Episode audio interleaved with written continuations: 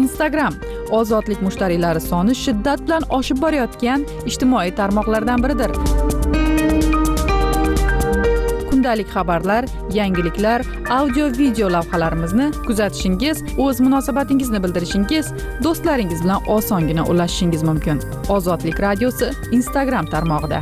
Lotinda ozodlik radiosi deb qidiring.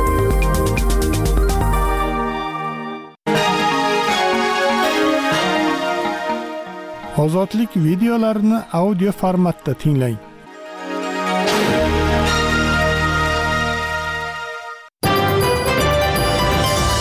Yangilik faktdir. Har qanday fakt savollar tug'dirishi mumkin. O'sha savollar javobini begim kunlarda ozod nazarda tinglang.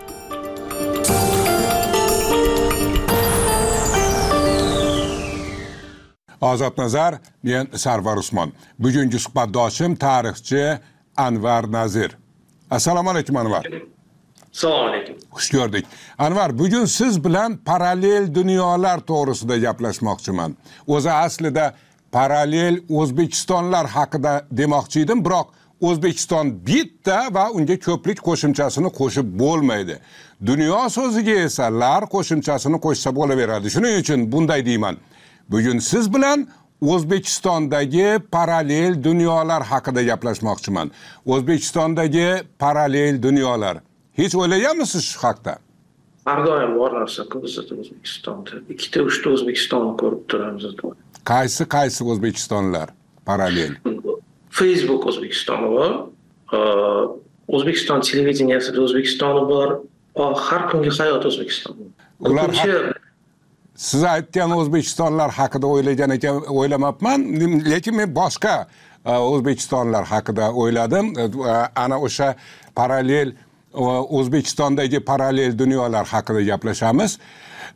Demak bevosita o'zbekistondagi parallel dunyolar haqida gaplarga o'tishdan oldin parallel izlar ya'ni temir yo'l bilan bog'liq yangilik. O'zbekiston temir yo'llari shirkatining xabar qilishicha yigirma birinchi fevralda o'zbekiston va afg'oniston chegarasidagi hayraton stansiyasida hayraton mozori sharif temir yo'l liniyasini qayta tiklash va ta'mirlash ishlari boshlandi. Tomonlarning kelishuviga asosan tiklash ishlari bosqichma bosqich amalga oshirilishi rejalashtirilgan bo'lib o'zbekiston temir yo'llari aksiyadorlik jamiyati tomonidan birinchi bosqich uchun bir yuz yigirma nafar ishchi xodim safarbar qilindi. Anvar bilasiz ota onani hamda qo'shnini tanlamaydilar. Shunday bo'lsada qo'ynida nima borligini bilib bo'lmaydigan qo'shniga bir uchi kelib o'zbekistonga taqaladigan temir yo'l liniyasini qayta tiklashga ko'maklashish naqadar pragmatik qadam? Man o'ylaymanki pragmatik qadam emas. Mani fikrim tolibonga nisbatan o'zgarmagan. Endi e, savdo sotiq deb manga e'tiroz bildirishi mumkin. Shu e, loyihani tarafdorlari. Lekin man masalan o'zbekiston bilan afg'oniston o'rtasida qanaqadir keng chuqur savdo sotiqni ko'rmayapman. Doim xabarlar keladi o'zbekistondan kelgan yoqilg'i sifatsiz o'zbekistondan kelgan oziq ovqat mahsulotlari sifatsiz degan gaplar. Shuning uchun e, o'z vaqtida e, shunaqa tahdid bo'lganda karimov shu hayraton ko'prigini buzib tashlayman degan edi endi hozir e, har xil jo'rabekovlar chiqib faxrlanib man to'xtatganman nima deydi man bilmayman qay darajada bu gap haqiqat qay darajada yolg'on hozir juda ko'p yolg'on gapiradiganlar ko'p bo'lgan o'zbekistonda. Lekin meni fikrimcha e, hayraton mostini o'zbekistonga qarshi ishlatilish degan mavzuni chetga surish mutlaq noto'g'ri va milliy xavfsizlik omili iqtisodiy xavfsizlik iqtisodiy hamkorlikdan ustuvor turishi kerak. Man tolibonga ishonmayman va har xil gaplar bor. Masalan yigirma ming kishi afg'oniston tojikiston chegarasida turibdi jangarilar. Shunaqa biz bu haqida na rasmiy dushanbe na boshqa e, markaziy osiyo boshkentlaridan qandaydir e, izoh eshitmadik. Bu mavzu haqida shunga qaramasdan e, meni fikrimcha qo'shnini tanlamaysizu lekin qo'shnini niyatlari oydin bo'lmasa niyatlari haqida bizda qandaydir ma'lumot biz qandaydir ma'lumotga shu vaqtgacha ega bo'lmasak biz juda yam ehtiyot bo'lishimiz kerak. Endi qarangda anvar siz aytayotgan xatarlarni shubhasiz o'zbekiston hukumati ham biladi. Bilmasligi mumkin emas. Lekin shunga qaramay mana siz pragmatik emas degan qadamni bosyapti. Nima majbur qilyapti yoki yoki qanday manfaat bor toshkent uchun mana shu qadamni bosishdan? Endi balkim bilasizmi o'zi boshida bu kattar tepasida turgan shartnoma man o'tgan safar aytgandim katta xato bo'lgan. Markaziy osiyo mamlakatlarini xavfsizligi bu yerda inobatga olinmagan. Bu bir. Ikkinchidan e, ular ishtirok ham etmagan bu jarayonda afsuski. Ikkinchidan chiqib ketishi bunaqa e, amerika qo'shma shtatlarini juda katta xato bo'lgan.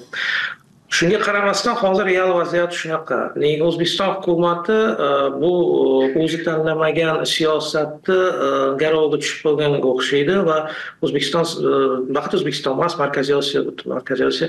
Endi bular bunday fikrlayotgandir menimcha. Bularni mantiq shunaqa. Agar biza ko'proq tolibonga yoqadigan siyosat olib boradigan bo'lsak balkim tolibon shunga javoban markaziy osiyo mamlakatlari bilan shaxsan o'zbekistondan chegara mavzusida xavfsizlikni ta'minlab berishga tayyor bo'ladi bir gap bo'ladigan bo'lsa degan xulosaga kelishlari mumkin. Lekin tolibon bu buda e, bu siyosatchilar emas bular e, umuman olganda e, markaziy osiyo mamlakatlarida qanaqa bo'lmasin har bittasida baribir siyosatchilar tosh tosh bilan tosh bilan emas tosh bilan emas osh bilan degan siyosat deng ha to'ppa to'g'ri. Bular e, bularni qonun qoidasi siyosatda mutlaq boshqa shuni bilib qo'yish kerak. Yo'q toshkentni toshkentni siyosati tosh bilan emas osh bilan ha tosh emas osh bilan toshkent yumshatmoqchi. Endi man non tashlasam u menga non beradi degan mantiq bo'lishi mumkin. Lekin e, pashtunlarni siyosatini tarixda ko'radigan bo'lsak man tolibonni olaylik tolibon va bunaqa to'dalar bular hech qachon e, biz o'ylagan siyosiy qoidalarga rioya qilmaydi.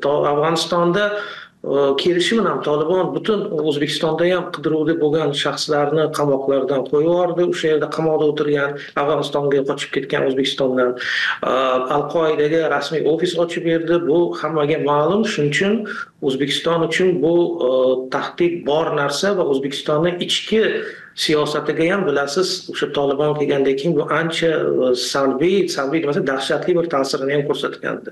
Masalani yana bitta jihati bor. Masalani yana jihati bor yana bir jihati borda. Qarang ikki ming yigirma birning avgustidan boshlab tolibon nazoratiga o'tgan afg'onistondagi vaziyat xalqaro hamjamiyat diqqat markazida turibdi.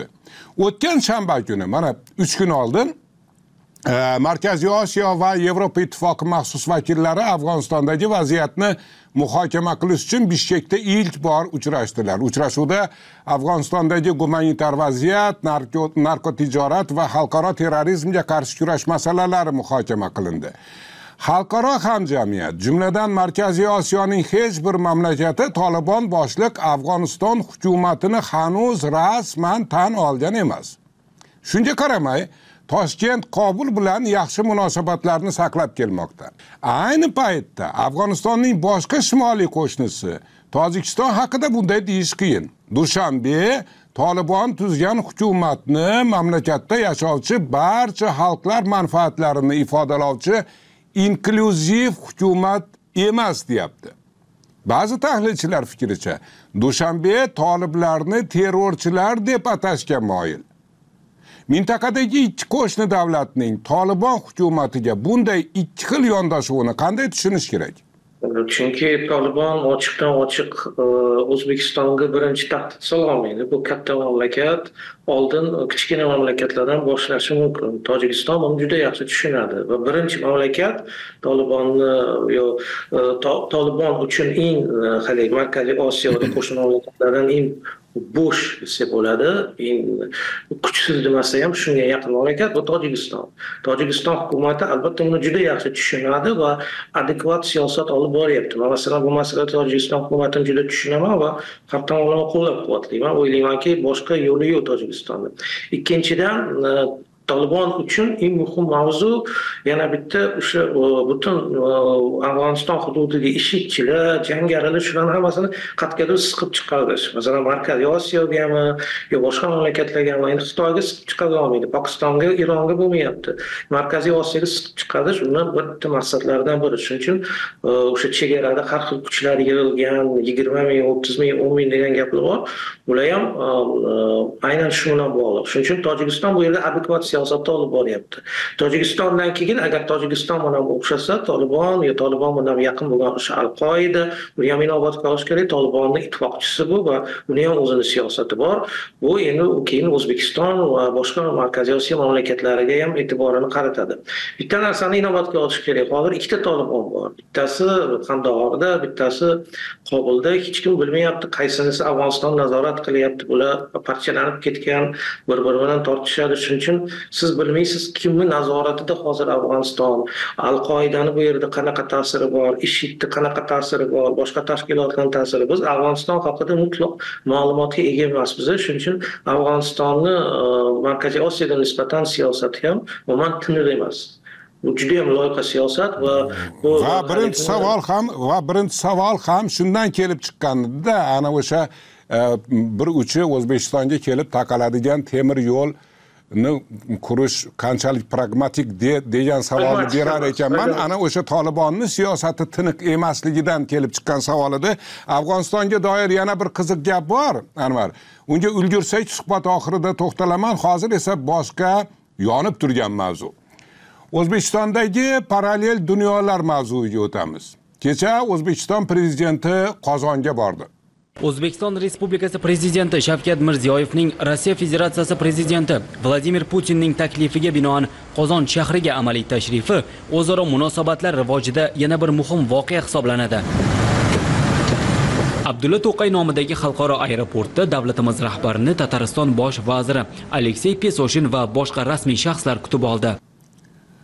O'zbekiston rahbari tatariston poytaxtida bo'lib o'tayotgan kelajak o'yinlari birinchi xalqaro multisport musobaqalarining tantanali ochilish marosimida ishtirok etdi. Shavkat mirziyoyevning rossiyaga safari jurnalistika universiteti sherzod qudratxo'janing alter ego kanaliga bergan intervyusida karl marksniki deb taxmin qilgani bir iqtibosni keltirgani uchun moskvaning demarshi fonida amalga oshdi. Moskva rektorining o'zidan kechirim so'rashni toshkentdan esa rasmiy izoh berishni talab qildi. Rektor uzr so'ragani to'g'risida toshkent izoh bergani to'g'risida menda ma'lumot yo'q. Moskvaning demarshi ortidan o'zbek jamoatchiligi har holda uning ijtimoiy tarmoqlardagi vakillari orasida bahs munozaralar hanuz tingani yo'q. Mana shunday vaziyatda o'zbekiston rahbari hech narsa bo'lmaganday rossiyaga safar qilyapti. Jamoatchilik o'z yo'liga davlat rahbarlari o'z yo'ligami? Mana shundan kelib chiqib parallel dunyolar deyapmanda yo men oshirib yubordimmi? Yo'q. Birinchidan man o'ylaymanki bu borgan safar o'sha haligi qanaqadir o'yinli kelajak o'yinlari bu mutlaq salohiyatsiz tadbir va bu kelajak o'yinlarda g'alaba qozongan bu rossiya o'ylab topgan narsa o'zi man izolyatsiyada emasman man e, yolg'iz emasman mana sanksiyalar bo'lsa ham bizni mana mana shunaqa biza tadbirlar xalqaro o'tkazyapmiz degan. Lekin u tadbirlarda g'alaba qozongan shaxslar uchun bu dunyo miqyosida hech qanaqa imtiyoz bermaydi. Bu jahon olimpiadasi singari yo jahon mana shu har xil tanlovlar singari bir qanaqadir bir dunyo hamjamiyati xalqaro tashkilotlardan olgan tanlov emas. Shuning uchun mutlaq masalan o'zbekistonlik ishtirokchilar uchun bu foydasiz tadbir. Birinchidan. Ikkinchidan mani fikrimcha o'sha tolibon siyosati bilan xuddi bitta o'xshash bor. Borib yumshatib kelish. Qo'rquv bor o'zbekistonda xavotir bor. Qo'rquv bo'lmasa ham rossiya bu agressiv terroristik mamlakat. Buni hamma tan olish kerak. Bu mamlakatdan e, hozirgi o'zbekiston hukumati e, albatta e, mani fikrimcha judayam xavotirda. Qo'rqadi degan so'z balkim diplomatiyada noto'g'ri ishlatish yumshoq qilib aytganda xavotirda. И va o'zbekistonni fikricha bu rossiyaga borish bu o'sha hozirgi vaziyat fonida qandaydir bir yumshatadi. Chunki kelajakda yanglishmasam aprelda yevropa ittifoqini juda katta delegatsiyasi o'zbekistonga kelyapti va yevropa ittifoqi o'zbekiston o'rtasida va markaziy osiyo o'rtasida juda global shartnomalar qabul qilinadi degan gaplar bor va shundan oldin qanaqadir shu shu ilgaridan urushdan oldin qolgan ko'p vektorlikni namoyish qilish. Lekin bu yerda e, vaziyat mana bunaqada rossiya uchun o'zbekiston bitta narsani bilishi kerak. Rossiya uchun agar Taliban uchun uni tan olish va unga ko'proq pul berish asosiy maqsad bo'lsa rossiya uchun э, u o'yinlarni tan olish bu kam. Rossiya o'zbekistondan kutyapti. O'zbekiston o'zini ish kuchi bilan ham e, o'sha bosib olingan yerlarni tiklanishda yordam beradi. Harbiy zavodlarida ish kuchi yetmayapti yordam beradi va e, norasmiy o'sha ish kuchi yosh ish kuchini o'sha um, rossiya armiyasiga jalb qilinadi va shunda ham o'zbekiston indamay o'tirishi kerak ko'zini yumib bunaqa talablarga o'zbekiston hech qachon tayyor bo'lmaydi. Shuning uchun bunaqa aloqalar faqat psixologik jihatdan vaziyatni ozgina yumshatishi mumkin. Samarasi buni yo'q chunki borgan sari o'zbeklarni soni baribir rossiyaga borgan kamayyapti o'zbekiston rossiya iqtisodiy munosabatlari minimal darajaga tushib ketgan. Hozir moliyaviy jihatdan bu munosabatlar ancha qiyinlashib qolgan moliyaviy degani boshqa bir iqtisodiy sheriklikni ishbirlikni qilish juda qiyin bo'ladi degani. Shuning uchun psixologik. hmm, hmm. psixologik namoyish bu. Ana o'sha ana o'sha psixologik jihat haqida hmm, bir bir bir holatda endi balki boshqa vaziyatda e'tibor berman bermagan bo'lardim lekin kechadan beri e, butun tarmoq ahli gapirayotgan e'tibor qaratgan holat e'tibor bermagan bo'lardim biroq rus tilida so'zlashuvchi o'zbekistonliklarning o'zbek tilini bilmasligi haqida rektor gapirganidan keyin boshlangan bahslar fonida qozonga borgan prezidentlarning o'z ona tillarida bir og'iz bir og'iz gapirgani e'tiborimni tortdi qozonga putinning keyingi bir ikki yildagi doimiy mehmonlari bordi butun markaziy osiyo menimcha turkmaniston bormadi turkmaniston prezidenti qolgan hammasi bordi putin putinni nutqidan keyin ochilish marosimida belarus prezidenti o'z tilida bir jumlali tabrik aytdi. Naперед u будущему сябры. Lukashenkodan keyin qozog'iston prezidenti to'qayev qirg'iziston prezidenti japarov tojikiston prezidenti rahmon avval o'z tilida keyin rus tilida tilaklarini bildirdilar. Hatto tojikiston prezidenti faqat faqat e, tojik tilida e, tilak bildirdi. E, O'zbekiston prezidentining tabrigini eshitamiz endi. Aziz do'stlar bugun mana shunday katta anjumanni hurmatli rossiya prezidenti putin vladimir vladimirovich tashabbusi bilan o'tkazayotgani haqiqatda bu dunyoda bu birinchi va man hamma uchrashuv birinchi mana shu kelajak o'yinlar uchrashuvlarini tabriklayman va rossiya xalqini ham mana shu katta bayram bilan tabriklayman va bugun vladimir vladimirovich aytdi mana shu qozonda katta katta tadbirlar o'tyapti va qozon xalqini yoshlarini mana shunday bayram bilan ham alohida tabriklamoqchiman va bugun bu musobaqalarda o'zbekiston yoshlari ham qatnashyapti. Ularga ham man omad tilayman va omadlaring hammalaringga yor bo'lsin. Katta rahmat sizlarga.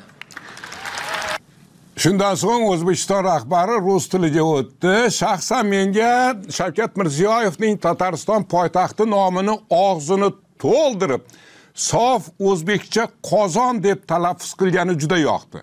Ko'pincha migrantlar bilan gaplashib qolaman qazang qazang deb gapirishadida qozon deyapti. Bu bu go'zal. Anvar prezidentlar birdan o'z ona tillarida lukashenko belaruscha gapirgani uchun spontan beixtiyor gapirib yoki bu amal ham butun xalqaro hamjamiyat e, harbiy jinoyatchilikda ayblayotgan kreml rahbarining siyosiy texnologlari o'ylab topgan tryukmi siyosiy texnologlar o'ylab topgan tryukka o'xshayapti agarki o'zbekiston prezidenti bitta o'zi shuni gapirgani man tryuk demasdim lekin o'zbek e, markaziy osiyo prezidentlariga albatta bu e, boshqa ko'rinishda taklif qilingan deb o'ylayman. Mana biz sizlarni hurmat qilamiz iltimos o'zinglarni ona tilida ona tilingizda ham har biring gapirib chiqing deb aytilgan. Va albatta markaziy osiyo э, boshchilari yetakchilari bu mavzuda э, yo'q demagan bu tabiiy. Lekin bu sahnani orqasida pardani orqasida rossiyani o'zini g'alamis niyati turibdi.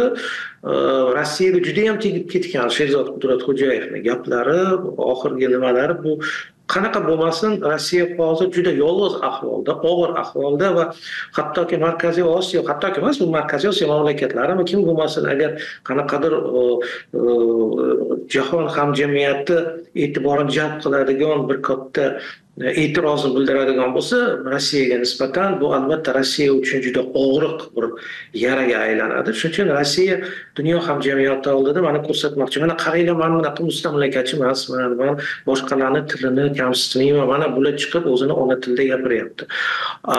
Mani bitta fikrim bu yerda bor. Eng yaxshi variant yana bir bor aytaman. Bunaqa tadbirlarda qatnashmaslik.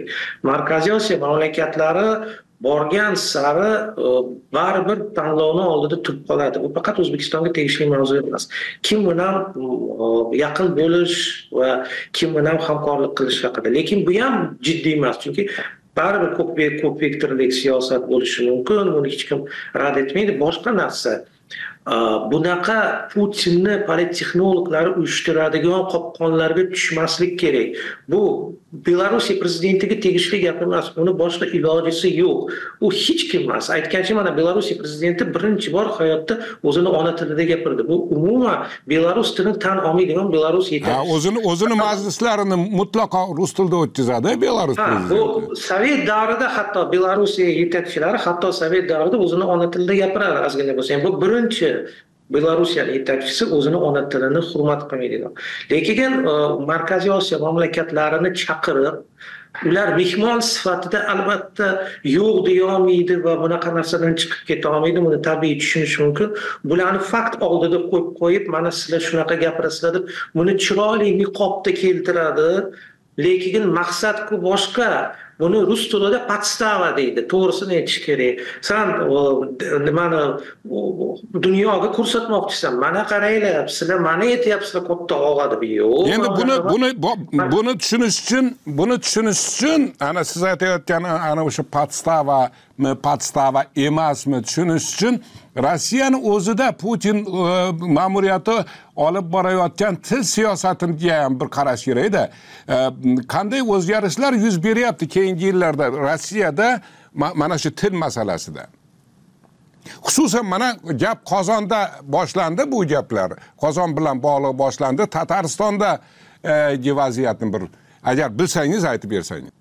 Tatariston bu hammamiz bilamiz bilasiz e, o'zbekistonda man o'zbekiston bilan solishtirsam e, qoraqalpoq hudud e, e, respublikasi maktablarida qoraqalpoq tilini o'rganish bu majburiyat.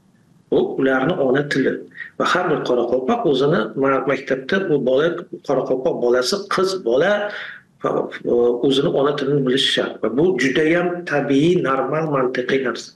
Rossiyada boshqa bunaqa majburiyat yo'q. Masalan siz tataristonda bo'lasizmi yo qirg'izistondami majburiyat faqat rus tilini bilish ona tilini bilish emas. E'tibor bering yana bitta faktga sovet davrida eng og'ir o'sha totalitar davlatda bir bir haftada bir marta edi lekin bu rasmiyatchilik edi shu o'zbek tili darsligini tiqib qo'ygandi. Juda bo'lmasa shuni e, tan olardi. O'sha sovet mustamlaka mustabid tizimi. Rossiya federatsiyasi hozir haqiqiy imperiya fashistik imperiyaga aylangan. Siz faqat majbursiz rus tilini bilishga boshqa tilni bilishga majbur emassiz. O'shanga ko'pgina mullalar hatto bizani mullalar bilan buni solishtirib bo'lmaydi? Tataristonlik boshqirdistonlik mullalar masjidlarda norasmiy o'rgatishyapti bolalarni o'zini ona tiliga. Endi bu chunki chunki o'rta maktabda o'rganish imkonsiz yo'q yo'q yo'q chunki boshqa majburiyat siz sizga majburiyat majburiyat yo'q degani hech qanaqa rasmiy imtihonlar ham yo'q o'zini ona tilida ona tili boshqa umumiy majburiy eng muhim darslik emas. Barcha boshqa xalqlar uchun. Faqatgina rus tili. Bu bir. Ikkinchidan mana bizani ishchi muhojirlar borganda albatta rus tilidan imtihon topshirish kerak rus tilini bilish kerak. Borganlar e, rossiya tarixidan imtihon topshiradiganlar dasturlari bor.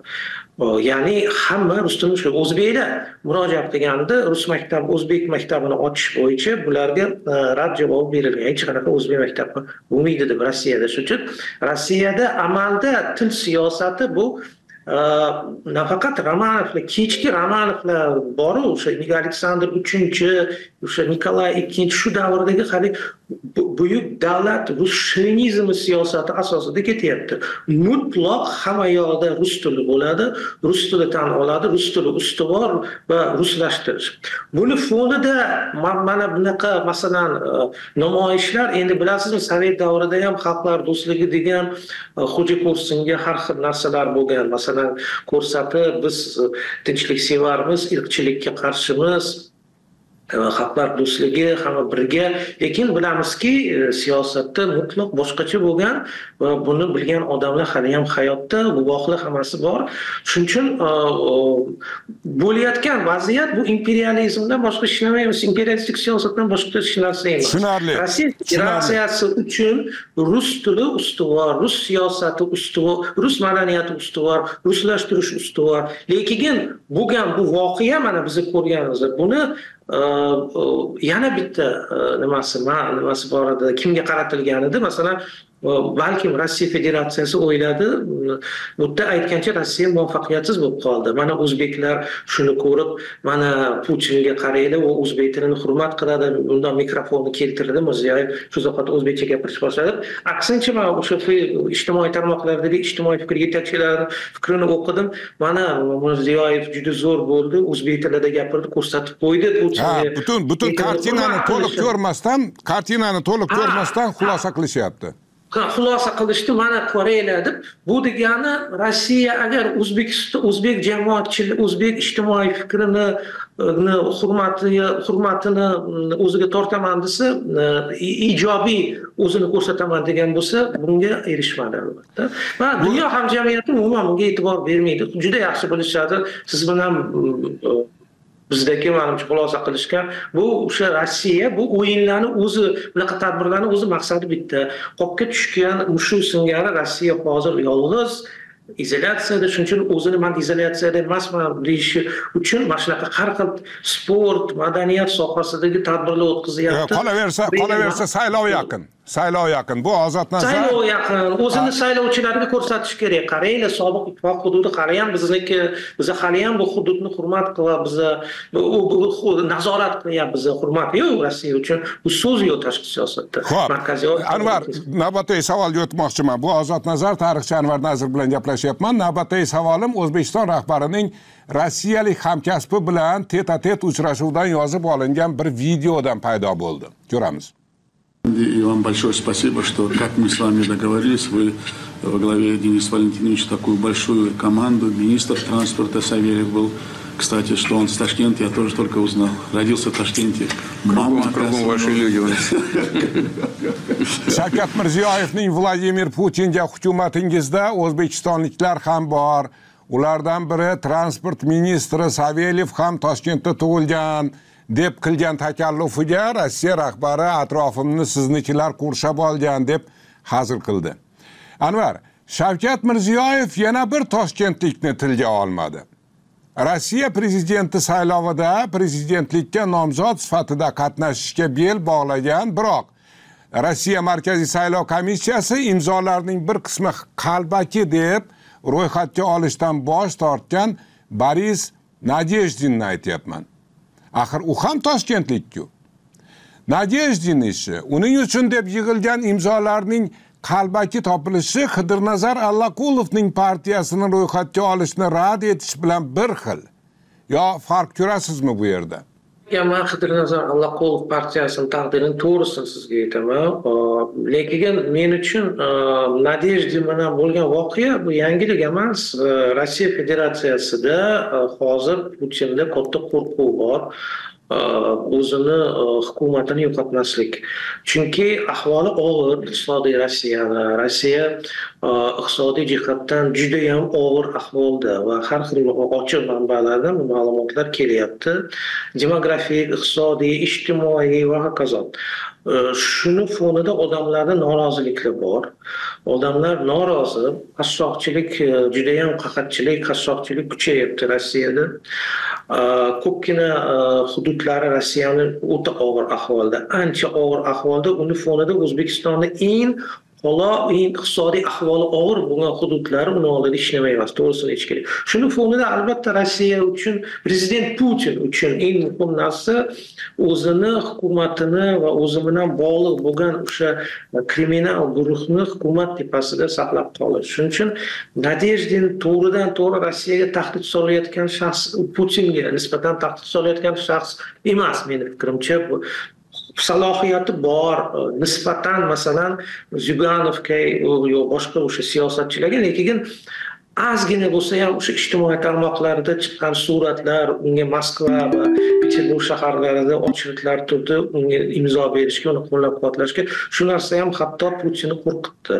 Putin hozir ya'ni juda ham shunaqa ahvoldaki bu har bitta o'sha Stalinni oxirgi yillarini e, eslatadi o'zini atrofida atrofdagilaridan ham shubhalanadigan shubhalanadigan vaziyatga kelib qolgan. Shuning uchun Putinga bu juda ham katta og'ir bir va shuning uchun va shuning uchun uni rad ro'yxatga olishni rad etishdi endi qarangda hozir so'nggi savolimga javobni boshlayotib qidirnazar allaqulov bog'liq bitta jumla aytdingiz lekin oxiriga yetmay qoldi ana o'sha jumla men tushunmadim siz men so'radimki ana o'sha nadejdin voqeasi bilan qidirnazar allaqulov voqeasi bir xil narsami yoki ayri ayri narsalarmi dedim Yo'q, men o'ylaymanki bir xil narsa emas. Bu yerda umuman bir xil narsa emas. Bu yerda o'xshashiyu Vladimir o'xshamasligi nimada o'xshamasligi o'xshamasligi nimadaki Vladimir Putin agar urush bo'lmaganda Nadejdinni balkim ruxsat berardi saylovda ishtirok etishga. Chunki Nadejdin anchadan beri Rossiya siyosiy maydonida, telekanallarida chiqib turadigan rasmiy muxolifatni vakili. Keyin urush masalasida ham Nadejdin urushni to'xtatish kerak dedi yu lekin Ukrainaga uni bosib olgan yerlarni qaytib berish masalasidagi mavzudan ochdi. Ya'ni Nadejdini umuman olganda qanaqadir Putinni yumshatilgan varianti ko'rinishi desa ham bo'ladi. Xo'p, bu tushunarli, bu tushunarli. Qidirnazar Allaqulovchi. Man qidirnazar Allaqulovni to'g'risi partiyasi bilan tanish emasman to'g'risini sizga aytaman. Man bu partiyaga qiziqmaganman ko'rmaganman va bu partiya bilan man tanish emasman to'g'risini sizga aytaman. Dasturi bilan ham ko'rmaganman. Man juda ko'p uni tarafdorlarini har xil tarafdorlarini ijtimoiy tarmoqlarda uchrataman va bularni har xil fikrlari chiqib turadi. Bir xillari dunyoviy demokratik davlat deydi bir xillari diniy davlat deydi. Ko'pgina savol berganimda oddiy o'sha partiyani a'zolari rossiya va shularda hech qanaqa javob olmadim. Shundan keyin qiziqishim bo'lmaydi ho'p tushundim. Tushundim keling. Shu o'rinda qidirnazar allaqulov tarmoqda kecha e'lon qilgan bir videodan parcha ko'ramiz va keyin suhbatni davom ettiramiz. Adliya vazirligi ro'yxatga olishni imzolarning bir qismi qalbaki deb rad etgan haqiqat taraqqiyot va birdamlik partiyasi yetakchisining xabar qilishicha uning nevarasiga tegishli uydagi mulkni musodara qilish uchun E, majburiy ijro byurosi ijrochilari kelgan. bir ming to'qqiz yuz sakson oltinchi yil mana shu uyni kooperativ shaklda olganman. Ya'ni o'n ikki ming to'rt yuz sakson to'rt so'm to'langan. Ya'ni o'zimizni mablag'imizga mana shu domdagilar kooperativ qilgan. Endi bu bir ming to'qqiz yuz sakson oltinchi yil bir o'n ikki ming to'rt yuz sakson to'rt so'm bo'lgan. Endi buni ipoteka kredit qilib qilish uchun narxlangan. Bugungi narx bilan. Mana o'tgan yilgi narx bilan narxlanganda e, bir olti yuzmi yetti yuz million so'm chiqibdida endi bugungi kunda. Inflyatsiya necha yuz ming o'n barobar necha yuz o'n ming barobar oshib ketdi. Endi davlat man tushunmayman qanaqa qonun. Bir ming to'qqiz yuz sakson oltinchi yilda o'n ikki ming to'rt yuz sakson to'rt so'm bo'lgan bo'lsa ikki ming yigirma uchinchi yilda deylik yetti yuz million so'm bo'lgan. Endi bu go'yoki biz daromad topganimizda daromad o'rtadagi bir daromad topganimizmi shuning uchun soliq solinganimiz. Alaqulovning aytishicha o'sha soliqni to'lamagani uchun mulklarini musodara qilish uchun kelishgan e, MEP mib xodimlari video oxirida alaqulovning televizorini mib ijrochilari olib ketgani aks etgan. Endi e, men tushunmadim. To'g'rirog'i tushunganimni tushunmadim va balki kelasi hafta qidirnazar allaqulovning o'zini suhbatga chaqirib ana o'sha e, paydo bo'lgan savollarni berarman u kishiga. Bu ozod nazar tarixchi anvar nazir bilan gaplashyapman. E, parallel dunyolar yana e, davom ettiramiz. Qarang prezidentlar dunyosi navalniy nadezdin Allakulovlar dunyosi. Bu dunyolar to abad parallel harakatlanadimi yoki qanchadir bir masofadan keyin tutashishi mumkinmi bu parallel chiziqlar? Hmm, o'zbekistonni bilmayman. Tutatishi mumkin endi bilasizmi? Karimov davrida kimdir uh, u- endi hammasi emas o'zini mana mana man ezilganman baloyi battar deb e, chiqishyapti hozir ayrimlar ezilmaganlar ham. Shularni ichida haqiqatda ham chetlatilgan har xil sabablarga ko'ra insonlar birdan hozir paydo bo'ldi. Rasmiy e, ommaviy axborotlarda chiqadigan bo'ldi ularga boshqa bosim o'tkazilmayapti. E, bu shaxslarga mani munosabatim boshqa hozir o'zim shaxsiy munosabatimni aytmayman aytmoqchimanki endi har doim shunaqa bo'ladi bo'lishi mumkin kimdir kecha quvg'inga uchragan inson bo'lsa ertaga u birdan davlat tomonidan unga qandaydir siyosiy sabablar bo'ladi unga uh, uni davlat uh, yaqinlashtirishga harakat qiladi. Rasmiy ommaviy axborotlar bilan bog'liq bo'lgan minbarlarni beradi. Lekin bu o'zbekistonda bo'lishi mumkin. Fa- fa- faqat qachon bo'lishini bilmaysiz? Yo'q qachon bo'lishini bilmayman. Bo'lishi mumkin lekin rossiyada man to'g'risini sizga aytsam o'zbekiston rossiya bilan solishtirish qiyin rossiyada man umuman hech qanaqa bir qanaqadir ijobiy qayta qurishga ishonmayman bilasizmi bitta narsa borda kompyuterni siz doimo qaytadan yuklashingiz mumkin lekin bir kun emas bir kun shu kompyuter abadiy emasku ishdan chiqadida boshqa ishlamaydi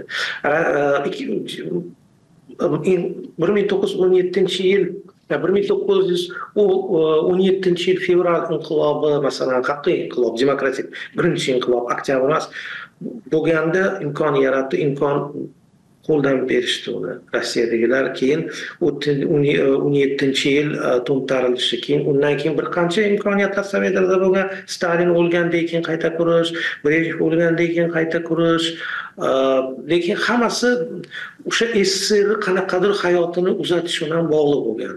Oxiri sssr quladi rossiya federatsiyasi bu ham qayta yuklashga harakat qilinaverdi lekin baribir yana o'sha eski modeldagi kompyuter qolaverdi milliy davlat. O'zbekiston imperiya emas. Shuning uchun o'zbekistonni doim o'zgarishlar bo'lishi mumkin. Yangi prezidentlar keladi eski prezidentlar ketadi prezidentlarni fikri o'zgaradi siyosati o'zgaradi har xil faqat o'zbekistonda emas qozog'istonda ham shunaqa qo'shni mamlakatlarda ham.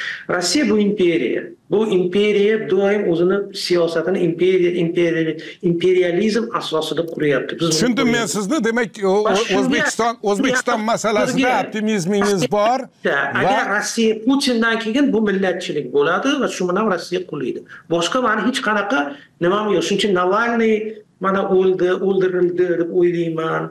Uh, nadejdinmi bularni baribir navalniy tirik qolganda ham uni ham hech qanaqa istiqboli bo'lmasdi chunki rossiyani kuni bitgan. Vladimir putin o'zini siyosati bilan rossiyani kunini bitqizib qo'ydi bo'ldi. Shu bilan rossiya boshqa hech qanaqa yangi qayta qayta qurilish bilan qutulolmaydi tamom Xo'p, gap parallel dunyolar ustida borar ekan, yana bir necha parallel haqida gapirmasa bo'lmaydi. Birinchisi, til masalasidagi parallellar. Bir chiziqda Sherzod Qudratxo'ja tarafdorlari, ya'ni davlat tilini hamma millatidan qat'iy nazar bilishi lozim deydiganlar. Bu chiziqqa parallel dunyoda o'zbekistonda davlat tilini bilish shart emas. Rus tilini bilsak bo'ladi yetadi deguvchilar. Ikkinchisi ba'zi diniy blogerlarga munosabat masalasidagi parallellar. Xabaringiz bor kecha bloger abror muxtorali abduazimov toshkentda 15 sutkalik qamoqdan chiqdi. Istanbulda esa diniy bloger mubashshir ahmad o'zini e, pasportdagi ismi alisher tursunov ekan. Yigirma birinchi fevral kuni deportatsiya markazidan qo'yib yuborilgani xabar qilindi. Jamoatchilik bu ikki blogerga munosabatiga qarab bir biri bilan murosasiz ikki parallel chiziqqa tizilib olgan. Bilasiz buni. Hatto hatto ana o'sha parallellardan bir tomonida e, siz sizni ham ko'rish mumkin ana o'sha chiziqlardan bir, bir tomonida. Bundan tashqari kuni kecha qamoqda o'lgan rossiyalik muxolifatchi aleksey navalniyga munosabatda ham jamoatchilik ikkiga bo'lingan o'zbek jamoatchiligi. Bu holat ya'ni jamoatchilikning u yoki bu masalada bir biri bilan murosa qila olmaydigan ikki chiziqqa tizilib olishi normal holatmi yoki o'zbekiston sharoitida bunday parallellik zamirida xatarlar bormi? Majbur bo'ldim savolim juda uzun bo'ldi lekin nimani istayotganimni aytishim kerak edi ha. Xat- xatarlar bor. Nimaga desangiz e, keling gaplar e, o'zbek tili davlat tili bo'lib turib o'zbekistonda yashab o'zbek tilini bilmaslik bu normal deb turgan odamlar bilan siz murosa qilolmaysiz bu uchun o'sha chiziq tomonidagilar o'zbekiston parlamentiga tashabbus ham chiqsin. O'zbek tilini boshqa davlat tili maqomidan olib tashlaylik umuman davlat tili kerak emas xohlagan odam xohlagan tilda gapirsin. Ya'ni bizda qonun bormi? O'zbek davlat tili haqida. O'sha davlat tilini ham bilish kerak. Bu qonunni hech kim e, men huquqiy davlat tarafdoriman tamom bu qonunni hech kim hozir e, e, rad etmayapti bu qonunga qarshi hech kim chiqmayapti lekin o'zbek tilida o'zbek tili o'zbekistonda yashab turib o'zbek tilini bilish kerak emas degan hech kim qarshi chiqmayapti lekin lekin lekin gapingizni bo'laman shu joyda aytib qo'yishim kerak bo'lgan narsa. Hech kim hech kim bu qonunga qarshi chiqqani chiqayotgani yo'q lekin ana o'sha qonunni takomillashtirishga qaratilgan qonun loyihasi rad etildi. To'g'ri. Yo'qolib ham qoldi loyiha. Yo'qolib ham qoldi. Lekin o'sha eski qonunda ham qanaqa bo'lmasin aytilgan bizada bitta davlat tilidir u qonunni kamchiliklari bor va uni albatta yuksaltirish kerak. Bu bu qonunni ayrim moddalari eskirgan uni yuksaltirish kerak buni hamma biladi. Lekin va bu eng achinarli hol shu qonunni yo'qolib qolgan shunga qaramasdan hozirgi qonunda ham hozirgi konstitutsiyada ham belgilangan o'zbek tili bu davlat tili. Bilasizmi shunaqa mavzular bor uni asosida siz murosa qilolmaysiz. Bu yo chizig'ini nariyog'ida turgan odamlarni fikricha demak o'zbekistonda umuman davlat yo'q. O'zbekistonda hech qanaqa qonunchilik yo'q va o'zbekistonda demak davlat tilimi o'zbekiston mustaqilligimi? Bu hammasi nisbiy tushunchalar buni o'zgartirib tursa bo'ladi. Shunaqa mavzularda siz hech kim bilan murosa qila olmaysiz iqtisodiy siyosat siyosiy boshqa sohalarda murosa qilish mumkin qanaqadir kelishuv bo'lishi mumkin. Lekin shunaqa mavzular borki siz murosa qila olmaysiz va o'zbekiston yo'q har qanday har qanday davlat tili mavzusida anvar anvar eshiting. Har qanday bahsda murosaga borish mumkin. Har qanday bahsda. O'limdan boshqa hammasini iloji bor. Buning uchun buning uchun e, bilmayman yuqori saviyali aynan bahs kerak. Bahs yo'qda men aytayotgan tomonlar men aytayotgan tomonlar bir biriga tosh otish bilangina cheklanadi. Bir birini haqorat qilish bilangina cheklanadi. Akademik bahs yo'q. Qarang sherzod hujjat xo'jayev bir yangilik bir narsani gapirmadi. O'zbekistonda yer zilzila qimirlaganda keyin kelganlar o'zbek tilini bilmaydi.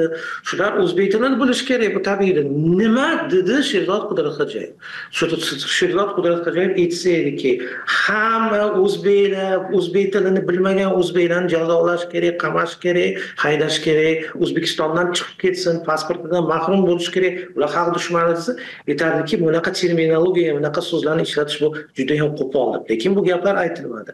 Aytildi o'zbek tilini bilishi shart. A, bugun asosida u yoq tomonidagi o'sha nariyoq chiziq tomonidagi odamlar nimani o'zi istayotganini bilmayman. Biza o'zbek tilini hurmat qilamiz. Nima deydi? Bizaga deydi hech kim o'zbek tilini o'rgatmagan deydi. Ho'p o'zbek tilini o'rgatmagan bo'lsa o'zbekistonda yashayotgan juda ko'p yosh ruslar bor o'zbek tilini yaxshi biladi. Bu bir guruh rusiysamon aholidan o'shaning uchun o'zbeklar ham bor chiqayotgan gap bu hammasidan emas. Ikkinchidan mana bittasi yozyapti bitta. O'sha rossiyaparast bitta shorahmat degani bor o'sha ijtimoiy tarmoqlarda mana shuncha yildan beri o'zbek tili siyosati bo'lmadi o'zbek tilini nima qilish davlat tiliga aylantirish yo'q. Agar shu narsa haqida ijtimoiy tarmoqlarda ko'tarsangiz agar kimdir shu haqida ozgina gapirsa sizlar mayli rossiya parastni tamg'a yopishtirishni boshlaydi. Millatchi panturkist o'zbek millatchisi amerika malay baloyi battar to'xtovsiz sizni haqorat qilishadi. Bular ya'ni o'zlari o'zlariga qarshi gapiryapti. Bular aytadiki bizga hech kim o'rgatmagan lekin bularga o'zbek tilini bilish yo'q bu tushunarli bu tushunarli. Men aytayotgan narsani siyosati nimadan boshlanadi? Hamma idoralar hamma joyda o'zbek tili ustuvor bo'lishi kerak degani. Yoqadimi yoqmaydimi lekin bu fakt. Agar siz bu faktni inkor etsangiz unda demak siz umuman o'zbek tili davlat tili bo'lishiga qarshisiz. Yo'q siz hozir yo'q yo'q anvar anvar eshiting meni. Anvar siz hozir yana ana o'sha bitta chiziqni e, boshida turib olib e, bahsga kirishdingizda men so'ragan narsa juda oddiy. Til masalasida ham ana o'sha parallel dunyolarda diniy blogerlarga munosabat masalasida ham ana o'sha chiziqda turganlar ikkita chiziqda turganlar o'zaro bir madaniy bir birini haqorat qilmasdan boya aytganimdek bir akademik bahsga kirishmayaptida. Mana shu darajaga ko'tarilmayapti jamoatchilik degan narsa edi xolos. Yo'q sarvar aka bu gapingiz to'g'ri. Man ham uni tarafdoriman lekin masalan man o'zim har bitta shu mavzuda yozaman savol beraman keltiraman. Asoslar shaxsiyatga o'tmasdan. Keyin manga lekin emotsiyalarga berilasiz siz ham? Yo'q emotsiyalarga berish boshqa manga nisbatan shaxsiyatimga o'tib jinsiy mavzular boshqa mavzular ustimda kiyganim hammasi shunga qarab ketib qoladi.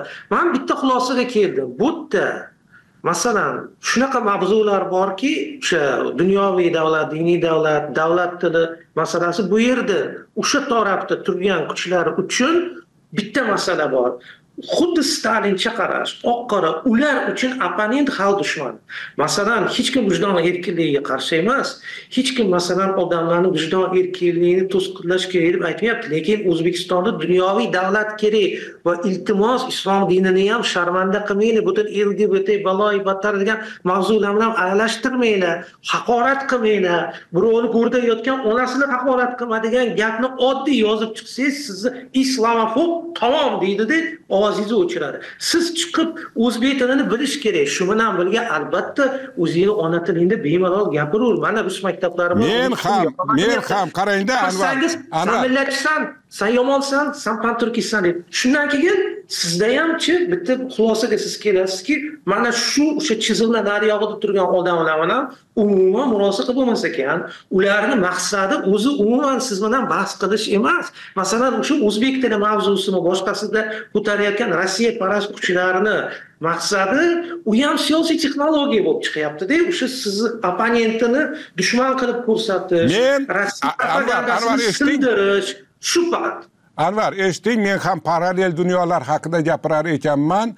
Bu yomon e, demoqchi emasman. Parallel dunyolar ayniqsa jamoatchilik e, qatlamida parallel dunyolar bo'ladi va ana o'sha parallel dunyolarni parallel qilib turgan dunyoni parallel qilib turganlar bir biri bilan ana o'shanday yaxshi gaplashish kerak degan mujdani bermoqchiman. Suhbatni hech kim unga qarshi emas hech kim unga qarshi emas. Ha suhbatni afg'onistondan boshlagandik keling yana shu mamlakatga qaytaylik.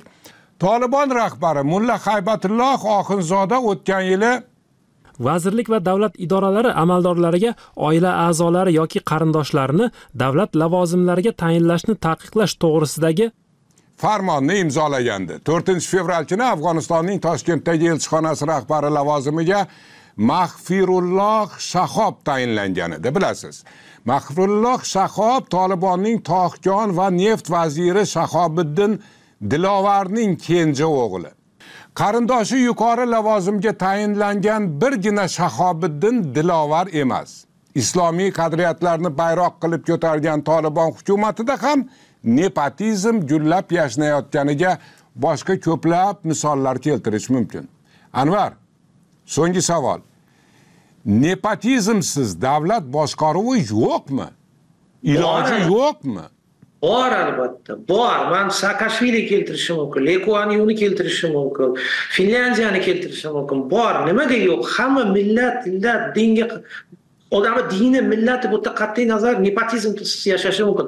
Tolibon harakati bu hozirgi putinchi harakatdagi markaziy osiyo mamlakatlariga va o'zini xalqi populizm qilyapti. Mana shunaqa qonunlarni chiqarib. Lekin amalda endi bilasizmi bitta narsada sovet davrida sovet rahbarlari kapitalizm yomon chet elga borish mumkin emas. Sovet to'xtanglar sabr qilinglar kommunizm quriladi dedi lekin hamma bolalarini kgbni tashqi ishlar vazirligini har xil o'shanga tegishli e, oliy bilim yurtlariga kiritib chet elga elchixonalarga ishlashga tiqqan. Hozir qarasangiz hamma chet elda yashaydi rashidov qarindoshi usmon yusupov viloyat hammasi o'sha bular otalari buvalari dodalari onalari yomon ko'rgan g'arb mamlakatlarida. Bu doimiy ikkiyuzlamachilik totalitar mamlakatga tegishli tegishli tolibon bu yerda mustasno emas. Oddiy shunaqa mamlakat nepotizm. Mana masalan korrupsiyaga qarshi bir bir bir bir paqir qonun chiqargan shunga qaramasdan e, bir trillionga yaqin sarmoyani xitoy kirityapti. O'shandan bir necha milliardni tolibon yetakchilarini cho'nchagiga xitoy pora sifatida bergani haqida ma'lumotlar bor. Bu oddiy hol tolibon uchun. Tolibon populist kuch o'zini bozorga solyapti o'zini ko'rsatmoqchi chet elliklarga va musulmon dunyosiga ko'rsatmoqchi qo'shni mamlakatlarga. Mana biza shunaqa model ko'rdik. Shu modelga sizlar erishinglar shu modelga sizlar ergashinglar. O'zini xalqiga ham populizm qilyapti. Aslida biz bilamizki e, tolibonni boshqa totalitar nepotizm bilan bog'liq bo'lgan siyosiy tizimlardan hech qanaqa farqi yo'q tamom anvar nazir edi tarixchi anvar nazir bilan ozod nazarda bugun parallel dunyolar haqida gaplashdik parallel dunyo umuman parallel dunyolar va o'zbekistondagi parallel dunyolar haqida suhbatni men sarvar usmon olib bordim anvar sizga katta rahmat ko'rishguncha. Rahmat. O'zbekistondagi asl voqelikka oid so'nggi xabarlar. Eksklyuziv yangiliklarni senzurasiz hech qanday to'siqlarsiz. O'qisa ko'rsa tinglasa bo'ladigan mobil ilovangiz bormi? Ozodlikda shunday ilova bor. App store va google playda. Ozodlik radiosi deb qidiring va hoziroq yuklab oling Words alone cannot describe this 48,000 square foot, 58 million dollar mecca. Beverly Hillsdagi qimmatbaho lo'pali qasri sotildi. Wall Street Journal nashriga ko'ra, uni Lola Karimova Tillayeva, O'zbekiston birinchi prezidenti Islom Karimovning qizi sotgan. 2011 yilda qurilgan qasr beverli hillsdagi gavharlardan biridir. Kaliforniya ko'chmas mulk reyestriga ko'ra taxminan 4459 kvadrat metrlik qasr 36 million dollarga sotilgan. Sotuvchi o'zbekistonning sobiq prezidenti islom karimovning qizi lola karimova tillayeva hamda uning turmush o'rtog'i tadbirkor timur tillayevga aloqador shirkat bo'lib chiqdi. Ayni shirkat bu mulkni 2013 yilda qariyb 33 million dollarga sotib olgan. Xaridorning shaxsi esa noma'lum nashrning yozishicha tillayevlar izoh so'rab qilingan murojaatlarga javob berishmagan. Sobiq prezidentning qizi va sobiq diplomat karimova tillayeva hozir xayriyachi. Parfyumeriya kompaniyasining asoschisi har holda kompaniya saytida shunday deyilgan. Karimova tillayev juftligining bu qimmatbaho qasri aytilishicha lola karimovaning los anjelesdagi harmonis deb nomlangan atir do'konidan bir necha minutlik masofada joylashgan. Variety com nashriga ko'ra er xotin to'rt ming to'rt yuz oltmish metr kvadratlik bu villani o'ttiz uch million dollarga sotib olgan edi. Muhammad hadid qurgan bu ulkan villada yopiq basseyn 200 mehmonga mo'ljallangan bal xonasi 40 odamga mo'ljallangan kinoteatr undan oshiq mashina sig'adigan yer osti garaji hamda massaj xonasi bor lola karimova otasi prezidentligi davrida o'zbekistonning yuneskodagi elchisi bo'lgan. Uning eri temur tillayev esa muqaddam o'zbekistondagi eng yirik abu sahiy ulgurji bozoriga egalik qilgan. Ammo bu juftlik lepale qasrni sotib olgach g'arb nashrlari nazariga tushdi o'zbek matbuoti hatto haqida og'iz ocholmagan bu juftlikning boyligi g'arbdagi boshqa zodagonlar kabi qator jurnalistik surishtiruvlarga turtki bo'ldi. Xususan the black sea va fransiyaning mediapart nashri 2017 yilda surishtiruv e'lon qildi. Unda abu sahiy kompaniyasining birlashgan arab amirliklari va shvetsariyadagi offshor bank hisoblari vositasidagi murakkab moliyaviy sxemalar orqali 127 million aqsh dollari miqdorida naqd pulni o'tkazgani aytilgan edi. Ozodlik variety.com va aqshning boshqa qator nashrlarida chop etilgan maqolalardagi ma'lumotga izoh so'rab karimova tillayevlarning aqshdagi advokatiga murojaat qilgan. Yozma murojaatda ozodlik xususan 2014 yil yozida biravarakayiga sotib olingan uch qimmatbaho villaga to'langan pulning qayerdan olingani bu pullarning black sea va mediapart surishtiruvida aytilgan 127 millionlik naqd pulga aloqasi bor yo'qligi qolaversa bu villalarning nima uchun aynan hozir biravarakayiga sotuvga qo'yilganini so'ragan edi. Juftlikning taniqli advokati mark reymond o'z mijozlari bu savollarga javob bermasligini aytib no comment deb javob bergan Head down the hall to the bar where you'll wine and dine all of your A-list guests. It's just so expansive. Aslida 36 millionga sotilgani aytilayotgan qasr karimova tillayevlarning bu mavzedagi yagona ko'chmas mulki emas. 2022 yil avgustida aqsh matbuoti bu juftlik aqshdagi yana bir qimmat hudud. Hollivud tepaliklarida bir emas uchta villani bir paytda sotuvga qo'ygani haqida yozgan edi.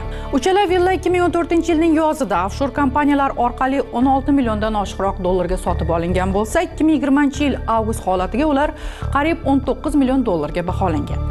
Bu villalarda bir vaqtlar amerika futbol yulduzlaridan biri regi bash va uning sobiq ma'shuqasi kim kardashyan yashagan. Misol uchun ulardan biri qariyb 6,5 million dollarlik uch qavatli villada lift kinoteatr qimmatbaho oshxona basseyn va xos spa saloni bor. To'rt tomondan los anjeles va tinch okeanining manzarasi kaftdek ko'rinib turadi.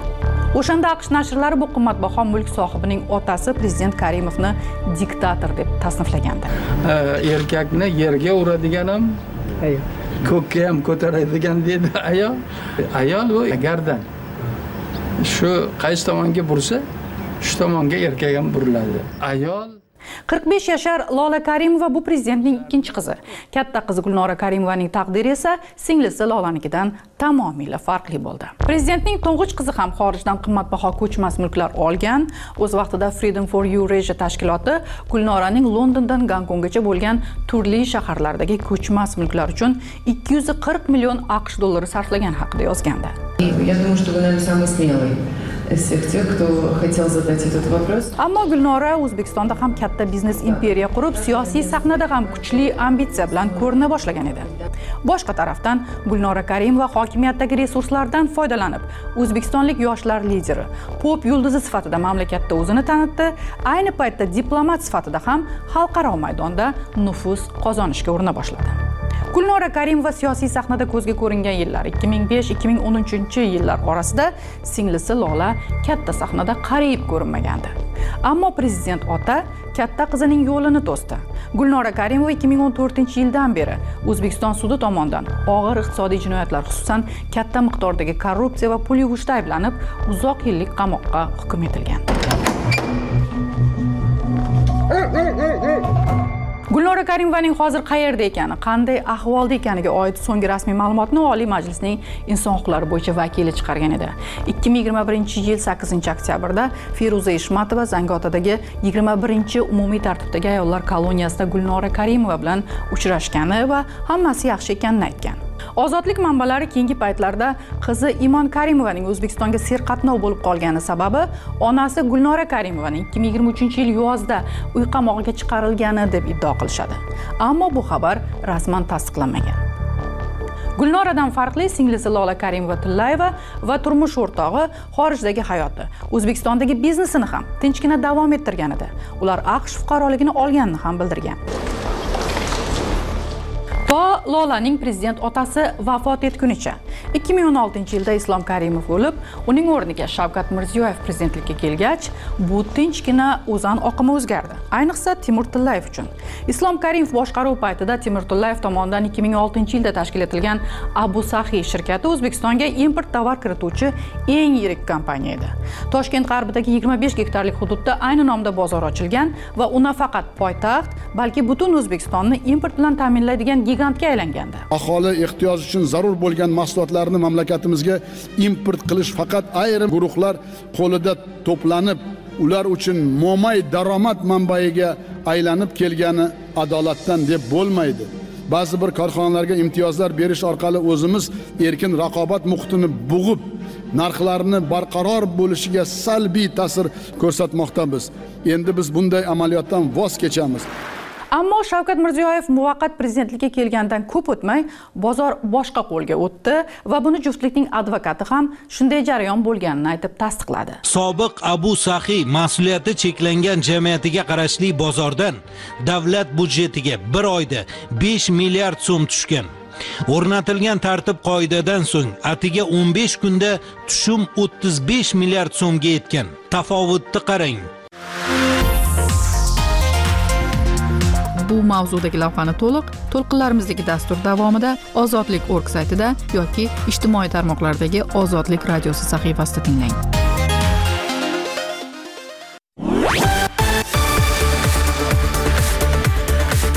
Ozodlik to'lqinlaridasiz. Yangiliklarni biz bilan birga kuzatishda davom eting. Xayrli kun.